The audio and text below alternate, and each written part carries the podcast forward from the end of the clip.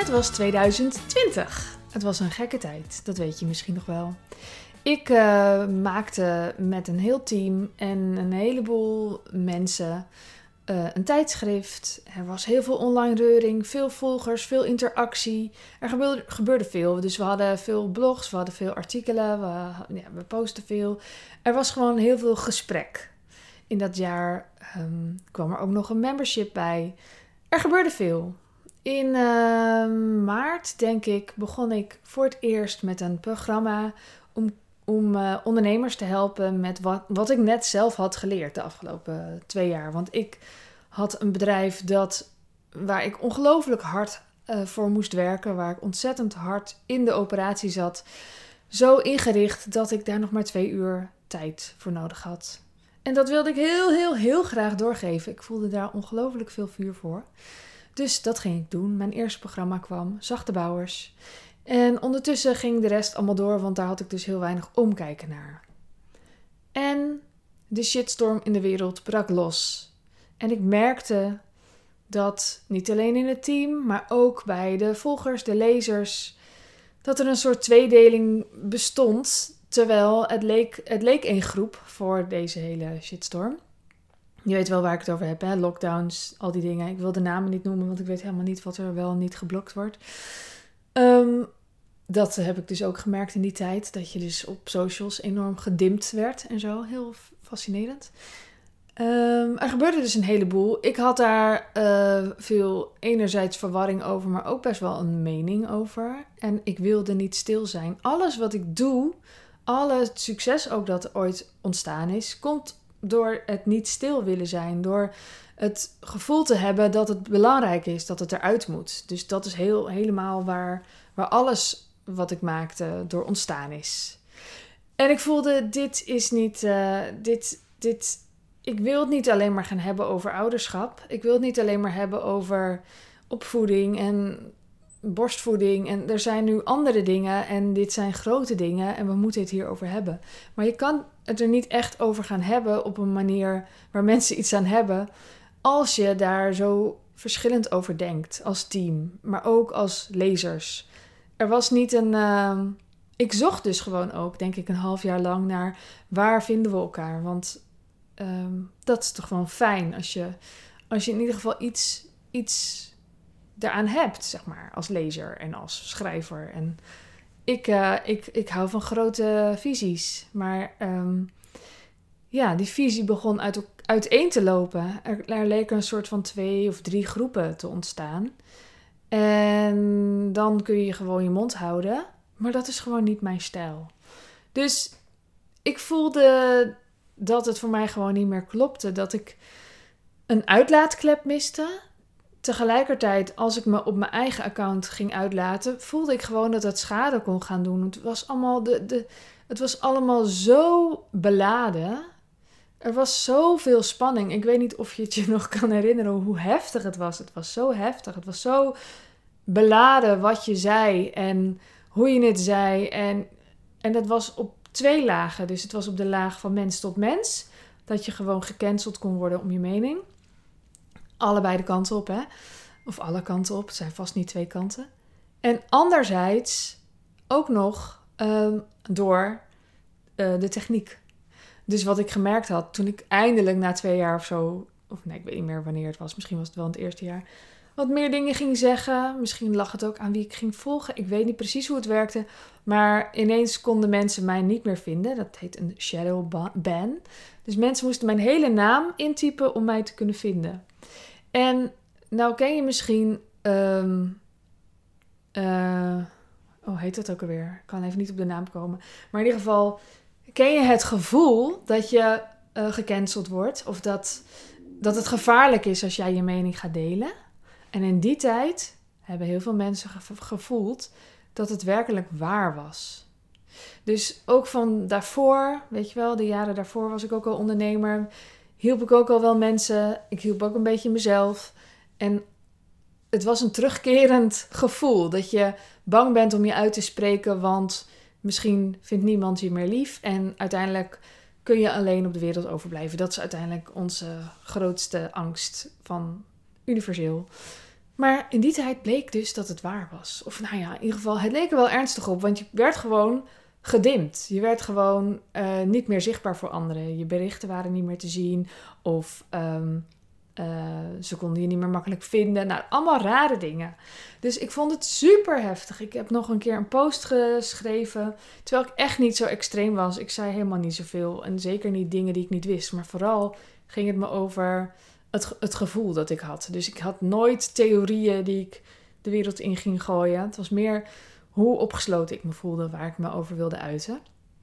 En ik heb een keer een post gemaakt dat ik dus drie weken, en dat was ook zo, ik was drie weken in Zuid-Frankrijk bij mijn schoonouders, of in ieder geval bij mijn schoonmoeder. Mijn schoonvader lag toen in het ziekenhuis. En toen keek ik uit over de zonnebloemvelden en we hadden dus overal vrij zicht. En ik voelde me zo vastzitten. Ik was in mezelf helemaal vast komen te zitten. En ik merkte, dit gaat gewoon niet meer. Dit, het, dit voelt te belangrijk. Het is zo belangrijk voor mij om me te kunnen uiten en om uh, ja, expressie te geven. Of in ieder geval op te komen voor dingen. En wat belangrijk is, dat het gedeeld mag worden. Ik kan er niet tegen, en dat heb ik mijn hele leven al, als ik gemute word. En nu deed ik het dus ook zelf. Hè? Dus ik, ik voelde een enorme angst voor wat het met mijn bedrijf zou doen als ik me werkelijk zou uitspreken. Ik was daar bang voor en nog steeds achteraf zou ik zeggen, dat was gewoon een terechte angst. Dat was echt een terechte angst. En waar ligt dat aan? Omdat ik 6000 mensen nodig had om een super florerend bedrijf uh, te draaien. En op een gegeven moment was ik het gewoon helemaal zat. Ik was gewoon helemaal zat. En ik dacht, wat heb ik nodig? Ik heb nodig dat er iets is waarin ik, uh, waarin ik me vrijer voel om uh, te gaan uiten. En hoe, het ging in allerlei verschillende processen, dus ik kan het niet heel precies in een tijdpad uitzetten. Maar in ieder geval was er een moment dat ik dacht, ik zou eigenlijk, ehm, ik zou het willen splitsen. Dat was een gevoel. Ik uh, zou het blad een andere naam willen geven. Toen werd het Wilde Vrouw. Um, ik vond het ook een heel goed idee. Ik uh, zou me sowieso willen uiten. En ik merkte hoe belangrijk het voor me was om uh, minder klanten nodig te hebben. Dus hoe zou het zijn als mijn inkomen vooral komt uit een handjevol mensen die ik super goed help, in plaats van dat ik duizenden mensen nodig heb? Ja, nodig heb, ja, in mijn bedrijf of als klant, om een florerend bedrijf te hebben. En toen realiseerde ik me pas wat een uh, vrijheid het geeft als je maar 20 klanten nodig hebt om je bedrijf goed te draaien. Dat betekent namelijk, er zijn altijd 20 mensen die het roerend met jou eens zijn en die zich helemaal kunnen vinden in jouw visie, waar jij dus iets voor kunt gaan maken, um, waarin je ze supergoed helpt nou ja, ik heb het wel vaker over trajecten gehad. Ik weet niet of je, daar, of je dat doet, maar dat kan dus. En uh, dan kun je je dus ook online volledig uitlaten over wat dan ook. En dat was dan in die periode van twee jaar met al die shizzle met lockdowns. Het is nog steeds aan de gang overigens. Uh, niet de lockdowns, maar wel alle gekkigheid eromheen. Uh, het is wat minder spannend, denk ik, om erover te gaan delen. Er zijn ook meer mensen die vraagtekens hebben. Dat gevoel heb ik in ieder geval. En ik zie het nu weer opnieuw. Dus ik zie nu ook uh, dat er weer een hele nieuwe golf is van mensen die zich. die het heel spannend vinden om zich te uiten over uh, waar ze in geloven. Dus echt spiritueel of um, hoe wil je het noemen? Um, religieus. Uh, je geloof, zeg maar. Dus echt het geloof. En ook dan zeg ik weer, en ik heb ook klanten gehad die hiermee worstelden: van ja, vind het gewoon zo spannend en dan gaat iedereen weg. Maar als jij een verdienmodel hebt waar je echt maar 20 mensen voor nodig hebt, dan kunnen de meeste mensen, de meeste volgers kunnen dus weg. En de meeste e-mail-inschrijvingen kunnen dus weg. Die, je hebt er helemaal niet zoveel nodig als je maar 20 klanten hebt. En het geeft zoveel vrijheid, lichtheid, um, van alles en nog wat, als je dat ervaart. En dit zeg ik dus tegen mensen die misschien veel meer klanten hebben of meer, veel meer volgers hebben. Maar het geldt natuurlijk ook als je nu nog nauwelijks volgers hebt. Mijn verhaal is eigenlijk een soort ander inkijkje in hoe je kunt kijken naar een laagvogelsaantal. Namelijk, hoe fantastisch dat jij dus vanaf nu al helemaal jezelf kunt zijn. En helemaal open kunt zijn over waar je voor staat. En ik weet, en dat is ehm, wat ik echt heel veel om me heen al heb gehoord, dat het vaak niet per se is dat, de, dat je bang bent voor de mening van de klanten, maar dat je mening, de mening van ja, je ouderlijk gezin en je vrienden van vroeger en het clubje waar je bij hoorde of je borrelclub of wat dan ook, dat dat uitmaakt. En dan laat je gewoon de groei van je bedrijf en je hele toekomst bepalen door een paar mensen. En ik snap dat als dat gaat over je familie, dat het allemaal wat spannender is. Maar je hebt altijd, je hebt altijd de mogelijkheid om te zeggen, of het nou familie is of vrienden. En je moet zelf maar bepalen of je dat dan openbaar kan posten, wil posten. Of dat je dat één op één tegen mensen zegt. Maar je hebt altijd de mogelijkheid om te zeggen: Ja, dit is een beetje mijn werkaccount. En uh, ik merk dat ik me gewoon helemaal belemmerd voel. Omdat ik weet dat jij meekijkt. Omdat je mening uh, er zo toe doet voor mij. Dus ik ga je verwijderen als volger. Of ik ga je eraf gooien. Of ik ga je blokkeren. En dat heeft helemaal niks te maken met onze persoonlijke relatie. Maar dat is gewoon omdat ik weet dat jij niet de doelgroep bent waar ik het aan richt. En ik heb er last van en het houdt me tegen. Dus um, dat ga ik nu doen. Dat kan je altijd doen. Um, en het is een klein beetje anders dan waar mijn verhaal over ging. Want het gaat dus over werkelijk uh, terugkerende klanten. Die op een bepaalde visie zijn ingestapt. En je visie verandert. En in dit geval veranderde mijn visie omdat er iets wereldschokkends gebeurde en de hele wereld op slot ging. Het, was echt, het is echt nog steeds, als ik eraan terugdenk, er zijn zoveel bizarre elementen aan uh, geweest. En als ik nu kijk, ik heb dus gesplitst, ik ben veel meer high-end gaan werken. Um, ik ben minder omzet gaan maken, maar dat heeft niet per se weerslag op je winst. Want je kunt gewoon met veel minder team toe als je veel, uh, als je aanbod veel simpeler is en je een hogere prijs vraagt en veel beter helpt, zeg maar, dan als je iets low-end, zeker een tijdschrift, kun je je een beetje voorstellen wat daar aan kosten in gaat zitten. Echt heel, heel veel kosten. Um, wat wil ik zeggen? Ik weet het even niet meer. Maar in ieder geval, dus dat is een stap geweest. Dat ik, uh, dat ik anders ben gaan werken. Ik heb um, eind 2022 dat bedrijf verkocht nadat ik dus al gesplitst had en het blad had gehouden. En eigenlijk is er eind van 2023 weer een soort uh, klein verschuivingje geweest. Want ik weet wel dat de meeste mensen die wilde vrouw, uh, die zijn gebleven en dus wel mee konden gaan in een nieuwe naam. En, en ja, ik, ik merk daar, uh, ja, ik wil niks zeggen over wie niet meeging. Maar ik merk dat die mensen in ieder geval veel meer aansluiten op waar ik sta en waar ik voor sta. En ik um, heb nog een keer een besluit genomen. En dat betekent. Volgens mij hoor je mijn maag knorren, maar dat is allemaal oké. Um, ik ga nog eens een keer podcast maken over intermittent vasten. Want dat heeft verder helemaal niks te maken met mijn bedrijf, maar toch leuk. Um, wil ik zeggen? Oh, sorry, ik ben er helemaal vanaf. Eind 2023 heb ik dus weer een besluit gemaakt. Namelijk dat ik voelde, ja, een tijdschrift maakte, het voldoet, het, het geeft me niet genoeg voldoening. Dus je krijgt allemaal random content bij elkaar geraapt, maar dan afgedrukt. Dus daardoor is het geen Instagram, want er zit meer verdieping in en het is op papier. Maar ik vond het verschil te klein en ik voelde, met net zoveel papiertjes kun je gewoon veel meer impact maken als je er één verhaal mee vertelt. En ik voel gewoon dat het tijd is om vier stevige, goede verhalen te gaan vertellen. Om mensen werkelijk te helpen aan een leven in meer vrijheid. En uh, ja, die wordt door een super, super, super klein team geschreven. En ik durf dat eigenlijk niet te zeggen, want ik ben bang dat mensen zeggen: Ik wil je boeken niet. Maar um, ja, het wordt, uh, het wordt uh, niet door een enorm team gemaakt. Dat kan ik er alvast over zeggen. Um, ik heb er ongelooflijk veel zin in. Ik merk ook dat ik het veel leuker vind om dit te promoten dan... Hoi, ik maak een tijdschrift. Of hoi, we, we, hebben hier weer een blad. Uh, ja, dus... En ik merk um, ja, dat het gewoon eenmalig is. Dus er komen nog vier boeken en daarna houdt dat dus ook op.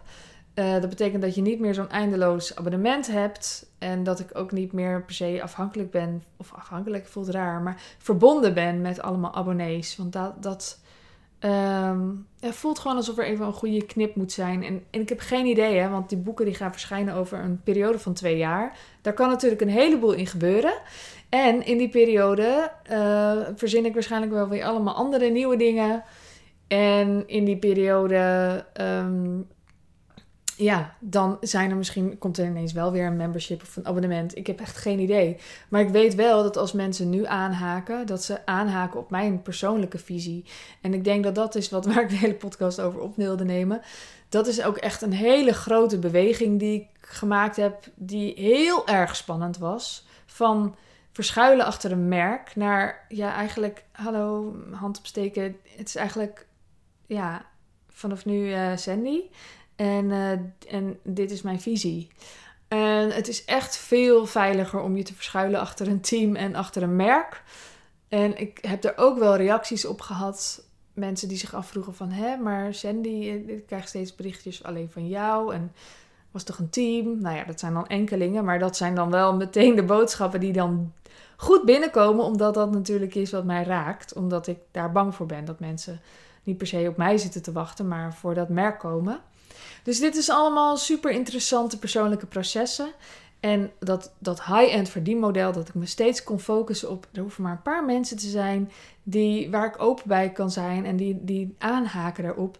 Om gewoon ehm, als bedrijf stevig te blijven staan. En dat is echt gewoon hartstikke belangrijk.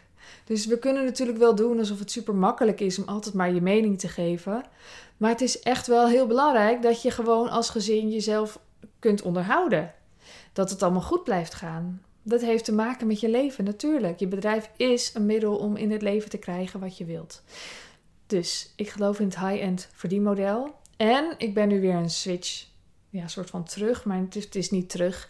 Het voelt als een soort knikje naar beneden om high-end simpel te gaan werken. En dan nu uh, sta ik echt wel weer klaar om, um, om er weer een zootje van te maken. Nee, grapje. Nee, om wel weer veel meer schaalbaar te gaan werken. Maar dan wel vanuit wie ik nu ben. En dat je dus ook aanhaakt op mij. En als je mij stom vindt, dan moet je echt ergens anders zijn. En dat doet me meteen denken aan dat ik op een gegeven moment had ik gewoon twee mailinglijsten. Dan had ik een splitsing, zodat mensen ook konden uitschrijven voor mijn mails. En dan kregen ze alleen de mails van Wilde Vrouw. Nou, ik kan je vertellen, dat voelt niet heel erg helend als mensen zich uitschrijven voor jouw mails, maar niet voor Wilde Vrouw. Dus als je nu uit, uitschrijft voor mijn mails, schrijf je gewoon helemaal uit. Snap je het verschil? Nou, ik ben heel benieuwd waar jij nu staat. Of jij denkt van, oh, 20 klanten, dat voelt licht. Of dat je denkt, oh, ik wil juist veel meer schaalbaar. En uh, ja. En ik ben nog heel benieuwd hoe jij zit in jouw verhaal en jouw echte zelf laten zien. Je kunt me een berichtje sturen op @sandyzacht op Instagram. En ik wens je een hele fijne ochtend, middag, avond, nacht. En tot de volgende keer. Doei!